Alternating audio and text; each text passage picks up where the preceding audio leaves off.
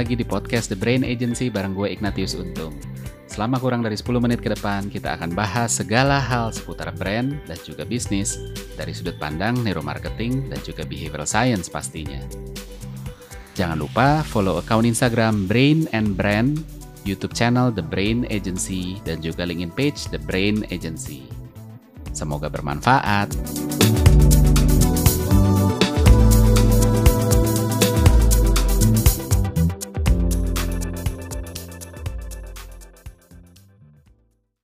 Ya, hari ini kita mau ngomongin soal awareness. Uh, hal yang paling sering dikait-kaitkan dengan brand dan sering kali dianggap sebagai hal yang paling penting ketika kita ngebangun brand. Uh, awareness ini paling sering banget diomongin gitu ya. Uh, kalau teman-teman jagain brand, terus habis itu measure brand health track gitu ya. Salah satu komponen yang paling atas adalah awarenessnya gimana sih gitu loh. Ketika kita bikin iklan, yang pertama ditanyain adalah awarenessnya gimana sih, ingat apa enggak iklannya, ingat nggak sama brandnya dan lain sebagainya gitu kan. Jadi karena itu makanya awareness jadi seolah-olah dikejar-kejar dan satu-satunya gitu. Padahal apakah cuma awareness yang paling penting? Kayaknya enggak gitu ya. Uh, cuma masuk akal juga kalau mereka mikir gitu karena mereka mikirnya gimana mau beli kalau tahu aja enggak gitu kan jadi makanya harus tahu dulu baru syukur-syukur habis itu beli uh, kalau kita mau ngomongin soal awareness uh, kenapa brand awareness itu penting dan bagaimana awareness itu bekerja, kita harus mikir tentang gimana sih manusia berpikir. Nah, balik lagi saya selalu ngomong gitu kan di buku saya Brand and Brand. Anyway, kalau nanti masih soal awareness mau uh, tahu lebih banyak bisa baca buku itu.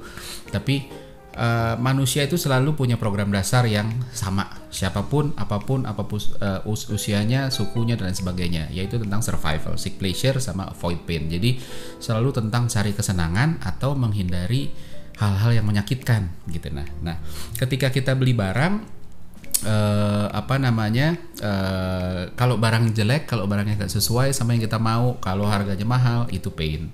Terus abis itu ketika barangnya bagus itu pleasure. Jadi awareness pun masuknya juga di sana gitu loh. Jadi kita berusaha menilai ini kira-kira barangnya bagus apa enggak ya gitu kan. Dan cara menilainya kadang-kadang kita nggak punya segala macam informasinya gitu kan. Ini barang bagus apa enggak, mereknya dan lain sebagainya kita bisa nggak tahu. That's why makanya ketika kita tahu uh, kita jadi ngerasa oh ada ada sesuatu yang kita bisa ukur gitu ya. Uh, nah problemnya adalah uh, apa namanya problemnya adalah ketika ketika ada beberapa pilihan gitu loh. Terus uh, cuma satu anggaplah ada tiga ada tiga pilihan terus cuma satu gitu kan yang yang brandnya dikenal gitu kan. Nah kita akan pilih ini apa enggak? Nah tergantung. Tapi kalau pada umumnya pada umumnya kita akan memilih barang yang lebih punya rasa aman kalau barangnya kita tahu entah brandnya terdengar entah pernah lihat iklannya, entah pernah dengar di mana dan lain sebagainya gitu kan. Kita memang e, mengartikan sesuatu yang yang kita kenal itu sebagai sesuatu yang aman gitu kan. Maka dari itu e, ketika kita masuk ke tempat baru ya, mau ke rumah baru, ke kantor baru, ke sekolah baru, ke mall baru gitu ya. Yang pertama kita lakukan kan adalah kita meneropong lihat ke atas gitu kan. Ini ada apa ya dan sebagainya. Itu sebenarnya juga mekanisme kita untuk cari tahu apa sih yang dikenalin, apa yang udah kita tahu yang habis itu bisa meng, bisa kita apa ya gunakan untuk menilai ini tempat apa, ini aman apa enggak, ini bahaya apa enggak, ada hal yang perlu saya lihat apa, saya aware apa enggak dan lain sebagainya gitu. Jadi hal-hal kayak gitu. Ketika kita ketemu orang baru juga sama gitu kan. Kita berusaha untuk cari tahu sesuatu yang kita tahu gitu kan. Bisa aja uh, ketika kita baru kenalan terus habis itu eh uh, saya tahu tuh sekolahnya kamu sekolahnya dulu deket rumah saya kan. Nah terus tiba-tiba kita jadi lebih cair. Kita tahu bekas bosnya dia yang lama kita tahu uh, temennya kita kenal saudaranya walaupun bukan dia. Semua tadi itu kan bukan dia kan. Kita tahu sekolahnya uh, bukan tentang dianya gitu kan. Dan kita nggak berubah langsung sama dia. Tapi ketika dia bersekolah di dekat rumah kita kita jadi tiba-tiba punya koneksi lebih dekat. Ketika dia uh, apa bosnya dia itu Eh, kita kenal gitu ya kita jadi punya koneksi seolah-olah jadi lebih dekat dibanding kita nggak ada yang bisa disambung-sambungin. Kita kenal sama uh, omnya gitu ya atau sama sepupunya.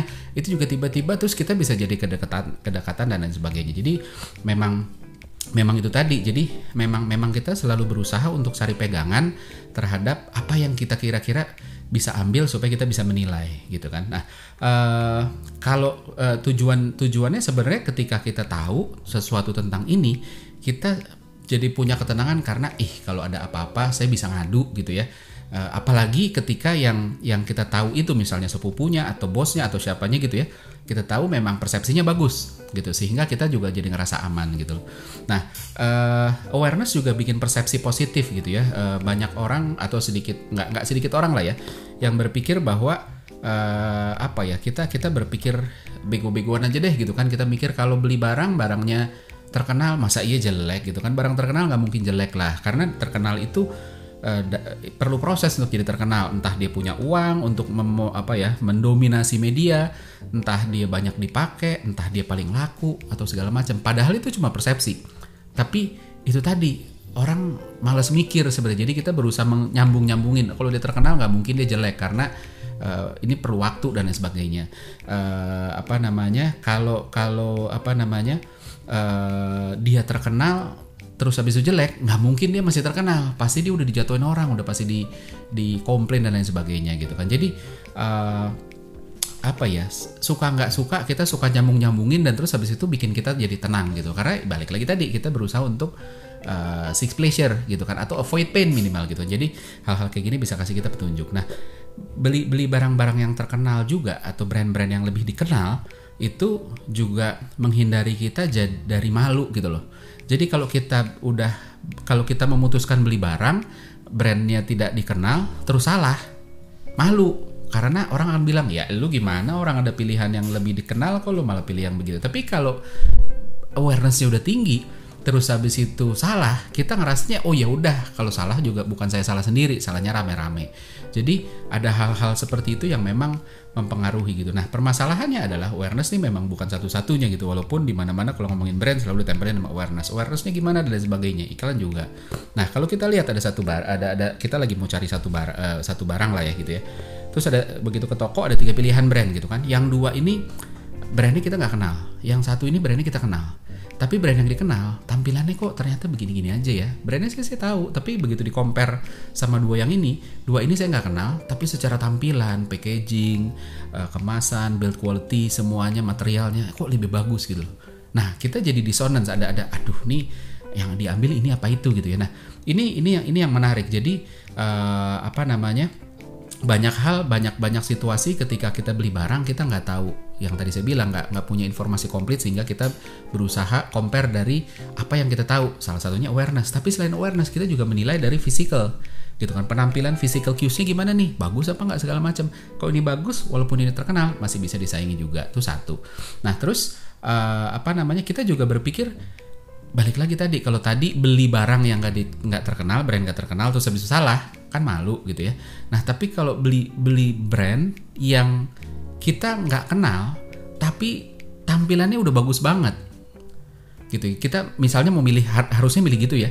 Sehingga kita tuh habis itu milihnya yang brand yang terkenal. Jadi instead of memilih barang yang tampilannya bagus walaupun kita nggak kenal kita memilih yang lebih dikenal padahal tampilannya nggak meyakinkan. Terus salah.